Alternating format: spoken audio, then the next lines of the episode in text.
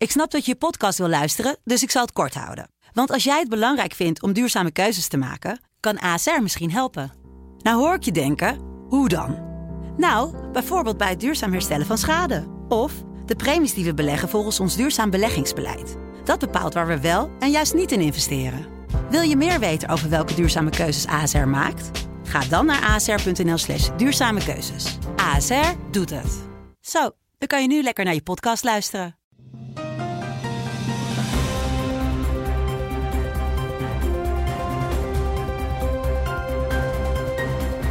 Dit is een podcast van de Telegraaf. In het land van Wierduk met Robert Ophorst. Donderdag eh, 24 september. Ja, daar zijn we weer met een eh, ouderwetse aflevering weer dit keer. Geen gasten in de studio. Eerder deze week uh, maakte hij een extra uitzending, Wiert, met de complexiteitsdeskundige Bert Slachter over corona. En vorige week was uh, filmmaker Marijn Poels hier te gast. Twee Klopt. heel uiteenlopende gasten, maar met als overeenkomst wat mij betreft dat het een uh, interessant gesprek opleverde. Wat voor reacties heb jij gehad? Nou, heel veel. Ja, inderdaad. Wat je zegt, interessante gasten en beide dwarsdenkers. En uh, met name nu in die coronatijd en met die nieuwe maatregelen van het kabinet... lokte dat gesprek met Bert Slachter wel heel erg veel reacties uit. Mm -hmm. heel, heel veel positieve mensen die zeggen... nou, blij dat er eindelijk eens iemand is die zo helder onder woorden kan brengen... waar we nu precies in terecht zijn gekomen... en nou, hoe we met dit virus uh, moeten omgaan. Ja, Bert is gewoon als, als met zijn wiskundige brein kan hij uh, enorm goed uh, rationeel ja. analyseren. En hij kan dat ook, hij heeft ook nog eens een keer de mogelijkheid, dat heeft niet iedereen, maar het talent om dat heel in hele duidelijke taal Absoluut. onder woorden te brengen. Ja. Dus um, mensen waren echt ontzettend blij mee. En daar ben ik weer blij mee, want het, je ziet daar gaan we het ook over hebben. Je ziet toch die discussie af en toe helemaal de foute kant ja. op gaan. Het polariseert aan alle kanten. En ja. nou, al die mensen die maar gewoon uh, ontkennen dat corona mm -hmm. een probleem zou zijn. Ja, dat ja is corona is in alle opzichten weer uh, helemaal terug. Daar gaan we, het, gaan we het meteen maar over hebben. Maar uh, nou, moeten we vaker dus doen, een, een gast in de studio. Ja, gaan we doen. Over naar de orde van de dag. Laten we beginnen met wat waarschijnlijk in ieder geval voor nu even de bekendste hashtag van Nederland is. Hashtag uh, ik doe niet meer mee. Ik doe niet meer mee. Alleen, Alleen samen krijgen wij de overheid tot controle. Ik doe niet meer mee. Free the people. Free the people. Ik doe niet meer mee. Groep BN'ers die zich uh, afgelopen week onder die hashtag schaarden en via sociale media de boodschap verspreiden dat ze er, uh, er helemaal klaar mee zijn met de corona-aanpak van het kabinet. Zij doen niet meer mee aan de maatregelen die te ontwrichtend zijn. Uh, volgens hen. Een aantal van hen heeft zich inmiddels ook weer teruggetrokken. Uh, Femke Louise onder andere heeft ook sorry gezegd. Ik denk de hashtag uh, is misschien ongelukkig uiteindelijk uitgevallen. Je hebt hem nu veranderd. Ja, ik, ik, blijf kritisch. Ik weet niet of ik de volgende keer nog deze hashtag ga gebruiken. Misschien zal ik hem wel veranderen. Maar ik vind wel dat er iets moet veranderen. Is daarmee de angel uit de discussie? Nou, nee, helemaal niet, denk ik. Omdat ik zie dat rond dit thema, wat ik net al zei uh, de polarisering alleen maar toeneemt. En steeds meer mensen, heb ik de indruk, um, eigenlijk ontkennen dat we met een probleem te maken hebben. Nu is het zo, kijk, um, ik, sta, uh, ik sta misschien op de sociale media uh, in een bepaalde, verkeer ik in een bepaalde bubbel. Dus heel veel mensen die zeg maar kritisch zijn op, op de autoriteiten of op de macht of op de gevestigde politiek en zo, uh, die volgen mij vaak omdat ik, uh, nou ja, soms uh, hè, mensen uit die hoek aan het woord laat, of niet eens soms, maar regelmatig. En deze mensen die zijn ook heel kritisch op die hele COVID-kwestie. Um, er waren een, een, groot aantal van hen, en een toenemend aantal heb ik de indruk, um, begint te geloven dat COVID. Um, helemaal niet bestaat. Dat, het, dat we dat helemaal niet zo serieus moeten nemen. Dat het helemaal geen bedreiging is. Um, dat het geen serieuze ziekte is. Dat, uh, ja, het, griep is ook een serieuze ja, ziekte. Dus dat gaat wel verder dan dat je zegt van uh, de, uh, het effect van de huidige maatregelen is dermate ontwrichtend dat we misschien meer moeten kiezen voor de economie en het door laten gaan van van de maatschappij zoals het, uh, zoals het voor corona ging, dan dat we al die strenge maatregelen nemen. Dit gaat echt over mensen die denken die hele uh, ziekte is minder ernstig dan we, dan we nu doen voorkomen. Ja, dit gaat over mensen die dus uh, corona zien als een instrument van de overheid en van internationale overheden en organisaties, de WHO en Bill Gates en de VN en noem maar op. George om, Soros. Uh, Soros natuurlijk om populaties, dus ook de Nederlandse, onder controle te krijgen. En een soort reset. Hè, we zouden bezig zijn met een soort reset, waardoor onze democratieën um, uh, worden ingeperkt, waardoor de vrijheid van meningsuiting, waarbinnen de vrijheid van meningsuiting wordt ingeperkt. En waarin wij allemaal met z'n allen, de bevolkingen van de, de, de, wereldbevolking, in de pas moeten gaan lopen met de eisen van een kleine elite die corona eigenlijk heeft bedacht om haar eigen doelen te verwezenlijken. Ja, en, en- ik zie, zie steeds meer mensen daar geloof aan gaan hechten.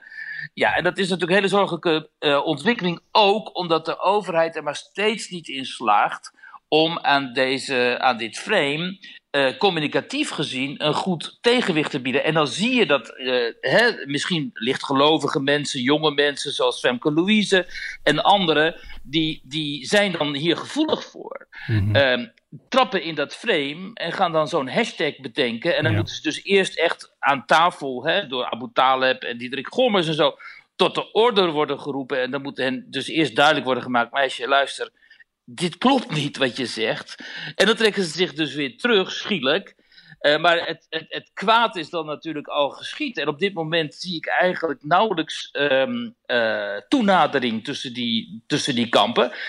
Helemaal nu is dat juist zo zorgelijk, omdat we in een, op een moment zijn aangekomen dat we misschien wel, zoals in Israël nu het geval is, weer een nieuwe lockdown ingaat. En de samenleving, vraag ik mij af, ook nu het weer slechter wordt en het.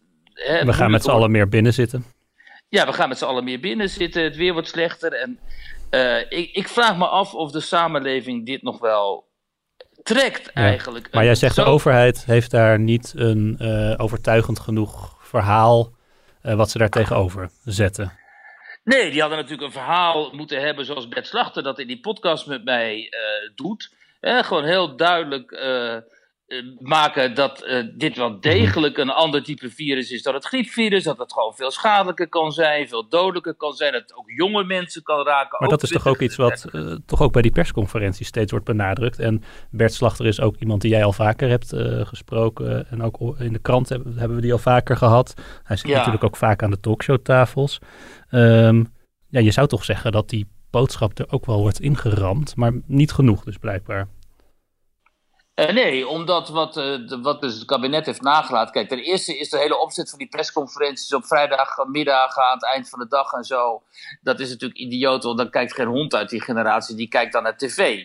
Eh, die mensen kijken sowieso helemaal niet naar tv. Nee. Dus die, die, de overheid moet andere kanalen. Ja, maar nou is de ironie, ironie natuurlijk ook dat de overheid juist een deel van deze BN'ers had betaald en ingeschakeld om onder die doelgroep de boodschap te verspreiden dat eh, corona levensgevaarlijk is. En dat uitgerekend eh, mensen als Femke Louise dus, die daar ook aan mee hebben gewerkt. En eh, Thomas Berg, die, die zo'n coronalied had meegezongen in een coronalied, dat die zich dan nu onder die hashtag scharen.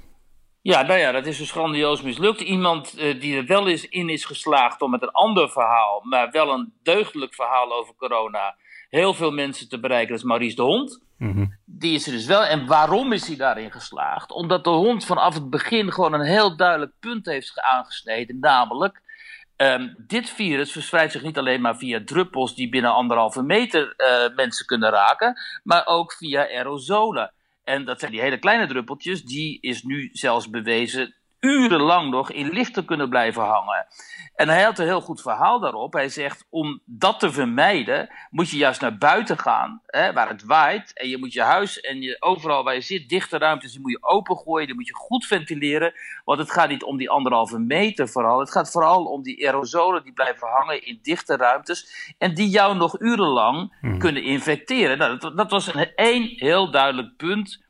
Eh, daarmee trad hij naar buiten. En vervolgens is Maurice de Hond een soort volksheld geworden. Terwijl die door reguliere wetenschappers en politici ook. En ook door media. eh, belachelijk werd gemaakt. Alleen nu blijkt dat hij dus voor een heel groot deel ehm, gelijk heeft gehad. Dus je moet, als je iets wilt communiceren. Ook al is het wetenschappelijk misschien nog allemaal niet zo, nog allemaal niet helemaal duidelijk, nog niet 100% bewezen en zo. Maar als je iets wilt communiceren, dan moet je een paar punten pakken. Die moet je verabsoluteren. Gewoon zeggen: zo is het. Mhm. En zo, ga, zo gaan we het doen. En als jullie niet naar ons luisteren, jongens, sorry. Je krijgt de kans één, twee keer. En dan is het echt afgelopen. Ja.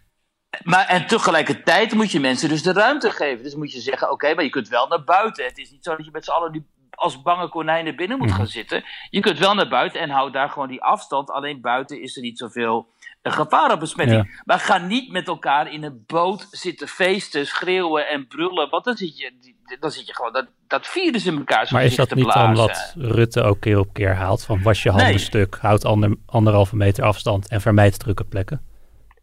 Nee, omdat ze. Uh, en ze, hebben, ze zijn tegenstrijdig in hun analyse van hoe het virus zich gedraagt. Mm. Hè? Vanaf het eerste moment hebben ze toch zijn ze gaan, zijn ze gaan schuiven. Hè?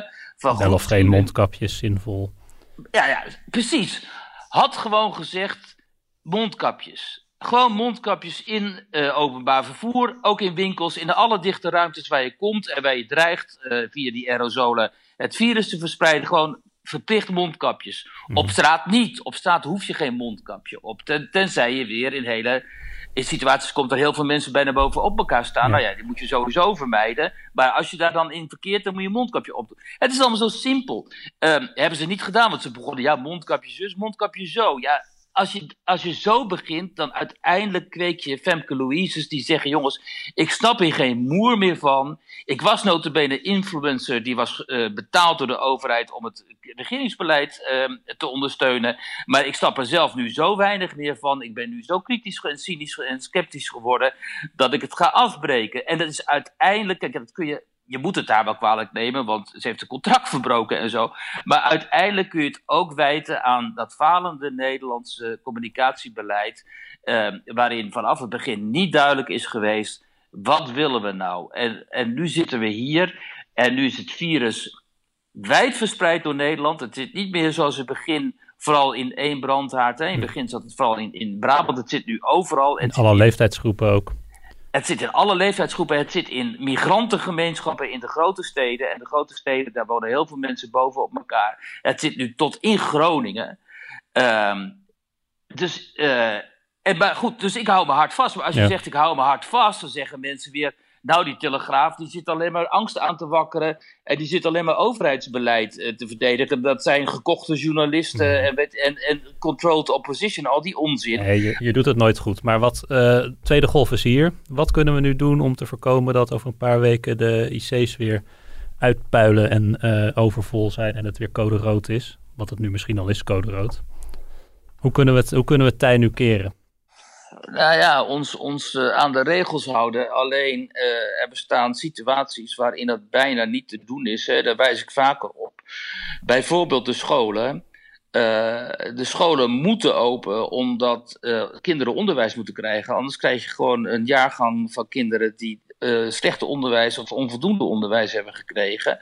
Alleen in die scholen uh, is het bijna onmogelijk vaak om afstand te houden. Is het onmogelijk vaak om, uh, om je goed te beschermen. Is het onmogelijk vaak om goed te ventileren. Zeker nu het gaat regenen en het kouder wordt. Ehm, dus het is bijna onvermijdelijk nu. Uh, dat daar besmettingen op gaan treden, wat je ook ziet gebeuren. Um, dus we zijn nu op een punt aangekomen dat het eigenlijk, wat dat betreft, wat die scholen betreft en zo, een beetje is uh, God zegene de greep. Laten we hopen dat um, uh, niet te veel kinderen uh, ziek worden en dat die kinderen niet te veel docenten besmetten en dat in ieder geval ook die, die, die oudere docenten uh, niet al te zeer uh, geraakt worden door dit virus. Maar dat is gewoon eigenlijk niet meer onder controle te brengen, voor zover ik dit begrijp en voor zover ik ernaar kijk. En ik begrijp ook wel uit mails die je krijgt en DM's die je krijgt van, op Twitter van uh, onderwijs en personeel, dat er veel mensen zijn die hartstikke bang zijn. Ja, die zijn, mensen zeggen ook van, uh, ik voel me elke dag alsof ik naar de frontlijn ga, frontlinie, en ik weet uh, niet waar het gevaar is. Mm -hmm. um, dus wat moet ik doen? En uh, het, het, tragische is dat je dan dus helemaal niet, niet weet wat, wat je zelf zou doen. En uh, ja, misschien zou je ziek melden of zo. Maar ja, je wilt toch ook dat die kinderen onderwijs krijgen. Dus, um, dat zijn duivelse dilemma's, ja, absoluut. Dit is wat je echt noemt een, een, een duivels dilemma. En ik, ik moet toch de eerste, het eerste advies zien in, in de kwestie van de scholen. Waarvan ik denk, nou ja, dit is echt een hele slimme oplossing. En uh, doe het dan op die manier vooralsnog. Een uh, gemeenschap waar ze de ontwrichtende gevolgen van corona ook hebben ondervonden is Aalten in de Achterhoek.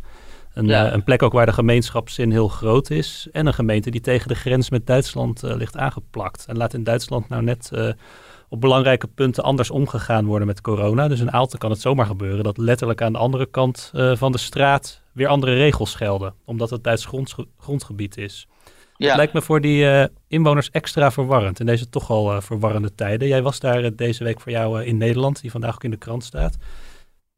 Is het inderdaad ja. zo verwarrend voor de Aaltenaren?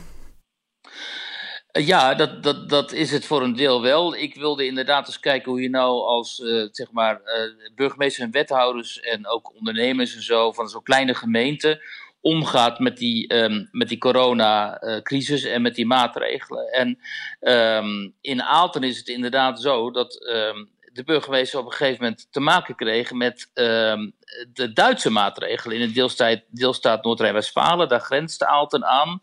Het is daar zelfs zo dat uh, je, als je in één straat woont, dan kan het ene deel van de straat is Nederlands, het andere, andere deel is Duits. En dan krijg je hele rare uh, situaties. Bijvoorbeeld, dat was heel interessant, toen bij die vleesfabriek Vion een, uh, een uh, uitbraak van corona was, toen bleek dat een heel groot deel van die uh, arbeidsmigranten die daar werken, dat die in Duitsland wonen. Dus die gaan elke dag de grens over, zijn grensarbeiders. En de Duitsers waren toen, hè, vanaf het begin eigenlijk, die waren zo, als, uh, als, er, als er corona dreigt, dan gaan we testen. Maar in Nederland werd niet getest. En die Duitse autoriteiten die zeiden: ja, jullie gaan toch wel die grensarbeiders testen, want uh, dat, dat zouden wij wel doen.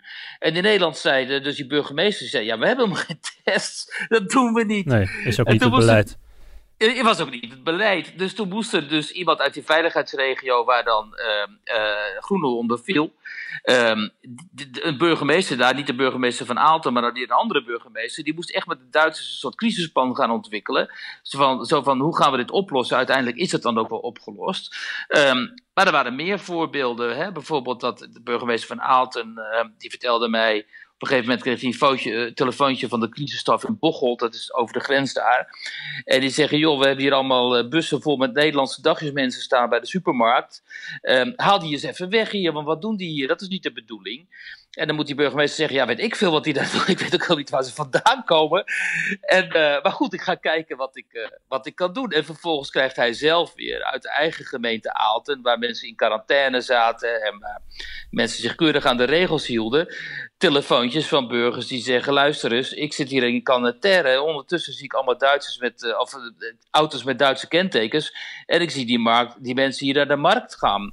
Dat lijkt me nou ook weer niet de bedoeling dat we ons um, via allerlei grensverkeer elkaar gaan besmetten. Nou, zo heb je dus te maken met allerlei uh, uh, ingewikkelde procedures. Eh, en het aardige is, en dat wilde ik ook wel eens opschrijven, dat um, zo'n burgemeester die heeft eigenlijk al zijn bevoegdheden afgestaan aan de veiligheidsregio. En in dat gebied dan in de Achterhoek is dan, dat is dan de veiligheidsregio. Um, de, de, de baas daarvan is dan de burgemeester van Apeldoorn. Dat is nog best ver weg. Mm-hmm. Dat is uh, Ton Heerts in dit geval, wel een bekende P van de AR. En die zitten dan elke twee weken uh, met 22 burgemeesters met elkaar te zoomen. Of uh, in teams. Nou ja, je kent het wel, zo'n programma. Bellen. Te video bellen. En dan zitten ze anderhalf uur met elkaar te overleggen hoe ze deze crisis. Um, te lijf gaan. En uh, ja, dat, dat moet dan als bestuurder. En kijk, het aardige daar in Aalten is, Aalten is uh, zo'n plek in de Achterhoek waar ontzettend veel volksfeesten plaats hebben. Ook Zwarte Cross is trouwens daar ook dichtbij. Maar je hebt daar bijvoorbeeld ook, dat is ooit door een gezin, door een echtpaar begonnen, de, de, de, um, soort, soort land fair, de country fair, farm en country fair. En dat is een enorm succes geworden in de loop ja. der jaren. Er komen jaarlijks 40.000 mensen. Ja, dat kon allemaal niet doorgaan. Um, ja, al die feesten moesten worden afgelast. En dat is 75 voor jaar bevrijding. 75 jaar bevrijding hadden zich enorm op verheugd. Wilden ze met Duitse gemeenten samen vieren. Het Nationaal Onderduikmuseum is daar omdat in Aalten heel veel onderduikers hebben gezeten. En dat, dat museum wilde ook meedoen of had ook een rol gespeeld in die, in die herdenking. En het is allemaal afge, afge, afgelast. En dat is voor zo'n gemeenschap. Hè, van die mensen die gewend zijn om met, met elkaar allemaal dat soort feesten te organiseren. Via de verenigingen en allerlei andere clubs en zo. Is dat een enorme aderlating natuurlijk. En dat, dat, is ook, ja, dat, dat ondermijnt niet zozeer die gemeenschap. Maar het is natuurlijk wel. Ehm, heel deprimerend voor die, voor die inwoners. Uh, en dan, nou ja, mij werd dan verteld hoe ze dan uiteindelijk toch daarmee om zijn gegaan. Mhm. Bijvoorbeeld door hè, de blaaskapel die dan gewoon um, op, een, um, op een trailer of op een vrachtwagen door het dorp gaat. En bij de bejaarde mensen langs gaat en zo. Om toch nog een beetje plezier, entertainment uh, te leveren. En de horeca-ondernemers die elkaar helpen. Ik sprak met een van de grootste horeca-ondernemers daar. Die heeft een enorm partycentrum daar. En die mocht dan van de wethouders, hij had vooral heel veel steun gekregen van de wethouders, mocht hij daar op zo'n weilandje naast, uh, naast dat pand een uh, extra terras aanleggen, coronaproof. Heeft hij ook gedaan en dan nodigde hij collega's uit, dus andere horeca-ondernemers, om dan daar de catering te verzorgen van het eten bijvoorbeeld, zodat Ja. die ook nog een beetje inkomsten hadden. Maar um, ja, zo'n man uh, met zo'n bedrijf, die is de afgelopen maanden is die 6 tot 7 ton aan omzet uh, misgelopen. Hè? Dus dat zijn echt enorme uh, gaten in de begrotingen van die ondernemers. En ja, dat moeten ze toch maar zien, um, Ja. zien op te lossen. Ondanks eh, het, het grote leed ook daar, vond ik het toch een positief verhaal. Maar is er dan in Aalten op kleiner niveau eigenlijk wel gelukt door de bewoners, maar ook door de bestuurders daar, wat volgens jou Rutte en de jongen niet lukt op landelijk niveau? De, de boel bij elkaar houden? Ja, maar kijk, dat is in dat soort regio's, Twente, Achterhoek, maar je ziet het ook wel in Friesland en zo, Drenthe. Dat, dat, dat uh, nabuurschap hè, heb je daar. Dus dan heb je echt die oude tradities van buren die geacht worden elkaar bij te staan en elkaar te helpen. En dat, dat is gewoon nog geleefde werkelijkheid. Ja, daar. het Als zit bijna in het DNA van de mensen daar. Ja, dat zit echt in het DNA van die mensen. Als ze zien dat er problemen zijn met de buren, dan gaan ze die helpen. En dat zie je ook aan zo'n ondernemer. Hè? Die, roept dan, die denkt dan niet aan in concurrentie, maar die denkt in samenwerking. En dat zegt hij ook van joh. Bij die volksfeesten staan we ook naast elkaar op de markt met een biertent. Het gaat al 50 jaar zo, of 60 jaar. En nu doen we dat weer. We proberen elkaar te helpen. Dus dat zit echt, wat jij zegt, in het DNA van zo'n gemeenschap. Dat is echt die gemeenschapszin. Uh, waarvan je zou willen dat heel Nederland uh, dat had en dat Nederland er zo uit zou zien. Uh, maar hele delen van Nederland zitten natuurlijk helemaal niet zo in elkaar. Um, en ja, dan zie je toch dat mensen vaak veel egoïstischer zijn en voor hun eigen gerief gaan en hun eigen belang. En dat kan in deze coronatijd natuurlijk heel erg indruisen tegen het, belang, tegen het algemeen belang, tegen het publiek belang. En daar moeten Rutte en de jongen telkens om bedelen eigenlijk. Mensen het algemeen belang in de gaten houden. maar ten eerste zie je dus dat burgers zelf tekort schieten in, in zeg maar de acceptatie daarvan en in het begrijpen van dat dit inderdaad op dit moment even gewenst is. En ten tweede zie je dus door die falende communicatie dat burgers helemaal niet begrijpen dat het algemeen belang gediend is als zij zich wat meer aan de regels of wat beter aan de regels zouden gaan houden. Uh, en ja, dat is dan de, de situatie waarin wij nu uh, terecht zijn gekomen. Laten we het hebben over uh, schrijfster Yvonne Keuls. 88 jaar inmiddels, maar nog altijd zeer actief. Ja. Tientallen romans, toneelstukken, scenario's, bewerkingen geschreven. Vertaald in het Deens, Duits, Engels, Hongaars, ja. Italiaans, Zweeds. Nou, zo'n beetje alle talen van de wereld. Maar toch ook al drie decennia verschoppelingen van het establishment. Waarom? Ja, dat heb je heel goed gezegd. Um, Yvonne Keuls is inderdaad echt enorm actief geweest in haar leven enorm veel geschreven en gepubliceerd. Successchrijfster, hele hoge oplages. Maar in de jaren tachtig eigenlijk een beetje op het hoogtepunt van haar succes. Toen zij ook net hele grote uh, bewerkingen van uh, romans van Couperus en, en Vestdijk uh, voor tv had gemaakt. Die heel succesvol waren destijds. net in die tijd schreef zij een aantal sociale romans. En in een van die romans, Annie Berber en het verdriet van de tedere crimineel, heet dat. Uh, bracht zij eigenlijk naar buiten, gebaseerd op feiten ook, het is een soort mengeling van feiten en fictie, uh, kindermisbruik door een kinderrechter in uh, Den Haag, meester R. En die meester R uh, bleek eigenlijk deel te zijn van een omvangrijke netwerk van pedoseksuelen met in hooggeplaatste ja. posities die misbruik maakten van onder andere zwerfjongeren in een opvanghuis dat uh, Yvonne Keuls zelf met anderen had um, opgezet. Um, zij bracht het naar buiten via dat boek en uh, dat hele apparaat, zeg maar, wat zij dus aanviel, dat kwam vervolgens in, uh, in werking.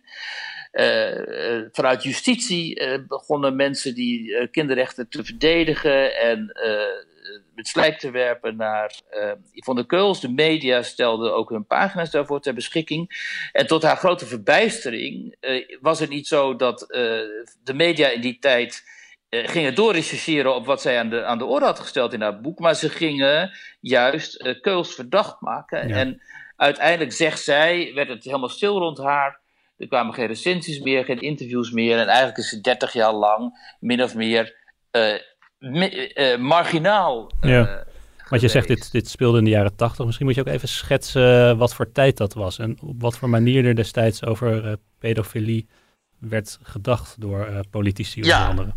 Ja, dat was natuurlijk, hè, jaren zeventig waren de hoogtijdagen van de emancipatie van uh, ook seksuele minderheden. Dus homoseksualiteit kwam uit het verdomhoekje. Uh, allerlei andere seksuele voorkeuren, die kwamen ineens, die werden ontdekt en die werden onderzocht. En zo ook pedofilie. Um, er was een hele beweging gaande op links. Vooral ook onder de, bij de Duitse Groenen bijvoorbeeld is dat heel, heel heftig geweest. Maar ook gewoon in Nederland, ook zelfs tot in de VVD eigenlijk. Er werd voorgesteld om seksualiteit tussen uh, volwassenen en minderjarigen niet meer als laakbaar of strafbaar te zien. Maar als een soort normaal, uh, natuurlijk uh, proces. Als men, hè, en ook kinderen konden seksuele voorkeuren hebben en seksuele, weet dat, gevoelens. Dat kon, gevoelens, precies, daar zocht ik even naar. En die zouden ze ook moeten mogen uitleven met uh, volwassenen. En dus was het eigenlijk in de ogen van die magistraten destijds, maar ook in de ogen van de media, helemaal niet zo vreemd dat zo kinderrechten seksuele contacten zou onderhouden met minderjarige jongens. Want er was eigenlijk niemand. Uh, mee. Dat zo iemand in een machtspositie verkeerde. Um, uh, en dat je altijd als volwassene in een machtspositie verkeert als je uh, seks uh, hebt met minderjarigen en helemaal met kinderen. Ja, dat werd toen kennelijk dus helemaal niet zo gezien. Yvonne Keuls vertelt ook in dat interview dat zaterdag in de krant staat, dat bijvoorbeeld um, zij in een praatprogramma zat. Dat heette toen het Capitool. Dat was volgens mij, zover ik mij herinner, was dat een beetje wat tegenwoordig dat zondags uh, praatprogramma Buitenhof is. Mm -hmm. uh, en daar zat zij tegenover drie van die mannen. En uh, die zeiden echt tegen haar van mevrouw Keuls. seks tussen volwassenen en kinderen is volstrekt normaal. En wat denkt u wel niet dat u nu eentje deze koers kunt gaan verleggen? En zij werd weggezet als puriteins en conservatief. En uh, de collega, onze collega van Vrij Nederland, die destijds een groot interview met haar over haar boek uh, publiceerde, die werd zelfs door de rest van zijn redactie um, tot de orde geroepen, want zeiden die mensen, die critici, hij had de emancipatie van pedoseksuelen twintig jaar teruggeworpen in de tijd. Dus um, de pedoseksualiteit, homoseksualiteit werd, zover ik, voor zover ik dat begrijp, destijds min of meer op, op, op onder één noemer gegooid. En als homoseksuele emancipatie verdiende, wat ze ook verdienden natuurlijk, want ze kwamen gewoon uit een enorm slechte achterstandspositie, dan verdienden pedofielen dat blijkbaar ook. En het interessante nu aan het interview met Keuls is, is dat dat laatste, hè, tolerantie voor pedoseksualiteit, is natuurlijk uh, inmiddels volledig afwezig. Ja, dus die compleet tijdgeest... Een van de grootste taboes misschien wel. Precies, dat is nu een van de grote taboes. En, uh, uh, en nu is er geen enkele tolerantie meer voor pedoseksueel misbruik. En zij ziet nu dus, vanuit haar 88-jarige levenservaring, dat die tijdgeest anders is. En ja. dat er meer aandacht is voor de daders. Mm -hmm. En dat er meer wil is, ook vanuit de politiek en vanuit de media, om dat soort dadergroepen in ieder geval bloot te leggen en ook uh, te vervolgen. En zij hoopt, uh, en dat zegt ze ook tegen ons, dat nu eindelijk eens de tijd is aangebroken waarop ze destijds al wachten, namelijk dat uh, pedoseksuelen worden ontdekt En als zij zich inderdaad hè, schuldig hebben gemaakt aan misbruik, dat dit ook gewoon wordt vervolgd en Mhm. dat ze worden, worden bestraft. En, Ja. eh, nou ja, dan zou voor haar de cirkel rond zijn. En eh, het is sowieso heel erg bewonderenswaardig hoe energiek en, en, en snel van geest en enthousiast eh, zij nog is op 88-jarige leeftijd. Ook gezien wat zij en haar man allemaal hebben meegemaakt in de oorlog en zo. Haar man Rob heeft in, zowel in een Jappenkamp gezeten als in een kamp van de Indonesiërs. En daar is hij gemarteld en, en mishandeld en noem maar op. En, Dat ja, heeft dat- hem niet gebroken.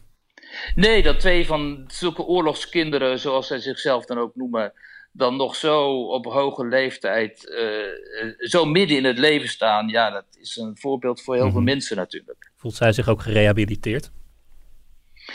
Nou, zij voelt dat die rehabilitatie eraan zit te komen. Ehm, en ik denk wel dat misschien ook door dit soort interviews en zo, dat zij eh, dat zal worden.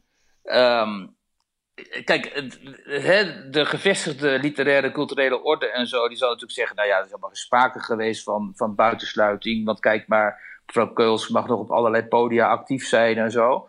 Eh, maar goed, zij voelt dat natuurlijk wel zo, omdat ze destijds werd ze overal geïnterviewd en ze was een gevierde jonge schrijfster en opeens viel dat helemaal weg.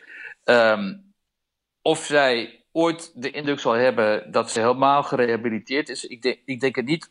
Behalve dan in het geval dat echt zo die, die, die, die pedoseksuele netwerken waar zij het over heeft. En, Mhm. en, hè, en waar, waar, ook, waar, waar op dit moment echt onderzoeken naar lopen. In Duitsland bijvoorbeeld eh, hè, is een groot onderzoek gaande. Nou ja, dat, als die opgerold zullen worden, ja, ik denk dat ze dan wel zal denken van zie je wel, ik had gewoon gelijk. En eindelijk is het tijd gekomen voor die mensen om, eh, om, eh, nou ja, om de, de consequenties van hun daden te Ja. ondergaan. Ik begreep ook dat er eh, begin oktober een Kamerdebat is met eh, minister Grapperhaus over. eh, onders- de, de Kamerleden willen onderzoek naar ritueel misbruik. Dat is gewoon Ja. met name naar aanleiding van de uitzending van radioprogramma Argos, waar jij ook over hebt geschreven. Over Ja. getuigenissen die, die radiomakers verzameld hebben van misbruik in, in, een, in een netwerk van hooggeplaatsten. Ja, precies. Dat is, ook, eh, dat is toch ook wel opvallend dat inderdaad een aantal Kamerleden van links tot rechts, maakt niet uit, die, eh, die eh, accepteren niet dat de minister heeft gezegd, ja, gaan we niks mee doen. Mhm. En die willen gewoon dat er toch meer, veel meer Gedegen vanuit de politiek komt. ja, dat er vanuit de politiek ook veel meer op geacteerd wordt. Ehm, en eh dus ook een beetje een aanleiding van dat, van, van dat debat wat er aankomt op 6, 6 oktober, dat we besloten om eh Yvonne Keuls eh, gewoon weer eens haar verhaal te laten doen. Ja, nou, zoals je al zei, zaterdag eh, in de krant te lezen, dat interview. Ehm, nou, we zijn weer aardig door de tijd heen, zie ik, als ik op de klok kijk. Ja. Nog, een, nog een wat, wat hoopvolle woorden? Of is het gewoon nu leidzaam afwachten tot de tweede golf verder over ons heen walst? Ehm, dat, nee, kijk, ja, hoopvolle woorden, dat zou zijn eh, mensen oproepen om niet in complottheorieën te vervallen en niet in ontkenningen te vervallen en gewoon je eh, aan de gestelde regels te houden. Zo moeilijk hoeft het toch niet te zijn. Het is echt niet zo dat we de apocalyps naderen als we ons een beetje eh, houden aan regels die voorkomen dat we elkaar besmetten. Ehm, dus ik hoop dat mensen dat gaan inzien. En eh, dat ze begrijpen dat alleen op die manier we juist een complete lockdown, zoals nu in Israël gaat gebeuren, kunnen voorkomen. Eh, dus hopelijk uh, he, zegeviert het gezond verstand. En slagen mensen erin hun primaire emoties een beetje te onderdrukken voor, voor de tijd dat dat nog nodig is. Nog een kleine andere oproep. We zijn genomineerd voor de Dutch Podcast Awards. Dus mocht u nou graag luisteren naar deze podcast en denken ik uh, stem graag op uh, het land van Wiert Duk, dan kan dat. Wiert, waar moeten onze luisteraars heen? Ja, die moeten naar de, naar de website www.podcastawards.nl en dan kun je stemmen in de categorie uh, media en opinie. En dan kun je dus op onze podcast stemmen en ze kunnen ons ook promoten zelfs op Twitter via de hashtag Dutch Podcast Awards. En dan kunnen ze andere mensen ook aansporen via die link om uh, op onze uh, podcast te stemmen. En dat is, uh, daar moeten wij heel dankbaar voor zijn, want de afgelopen weken is dat massaal gebeurd door onze luisteraars en volgers op, de sociale media. waardoor we dus op, die, op deze longlist staan. Um, en om uiteindelijk um, die podcast award te winnen, hebben we een eindscore nodig waarin 50%, uh, waarin voor 50% publiek meetelt en de andere 50% wordt bepaald door de vakjury. Dus we moeten gewoon zorgen dat we heel veel publiek meekrijgen, uh, zodat die vakjury helemaal niet meer om ons heen kan. Hoewel er ongetwijfeld ook andere hele goede kandidaten meedoen. Die zijn er ook. Maar wij moeten even ervoor zorgen dat we gewoon de beste zijn. Wiert, dankjewel. Alle luisteraars ook bedankt. Graag tot volgende week.